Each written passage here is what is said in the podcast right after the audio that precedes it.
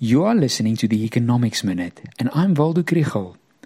Along with last week's repo rate decision, the Reserve Bank adjusted its growth forecast for 2023 downwards. They expect the economy to grow by only 0.3% this year. If it sounds pessimistic, you have to think about which drivers of growth you are keeping fingers crossed for. On the demand or spending side, there's not much hope that consumer spending will get the economy going. Consumers are now reeling from last year's high prices and high interest rates. Government spending is also not going to come to growth's rescue. The Minister of Finance will continue with his program of austerity to reduce the budget deficit and public debt.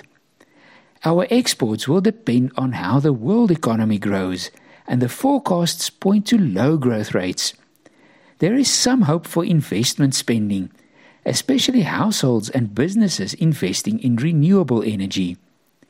Therein lies the challenge for growth driven by the supply side of the economy. Load shedding dampens economic activity. Getting around it is expensive and increases the production cost in the short term.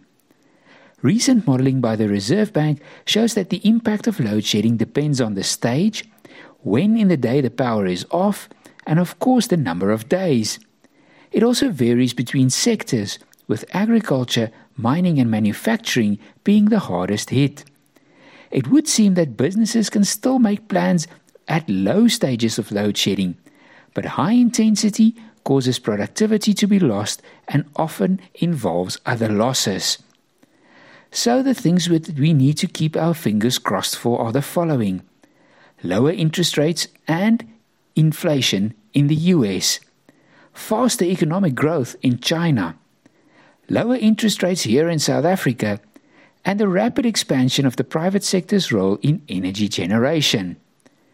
Things that you should not hold your breath for are major infrastructure projects by the government, and that Eskom will solve its problems all by itself.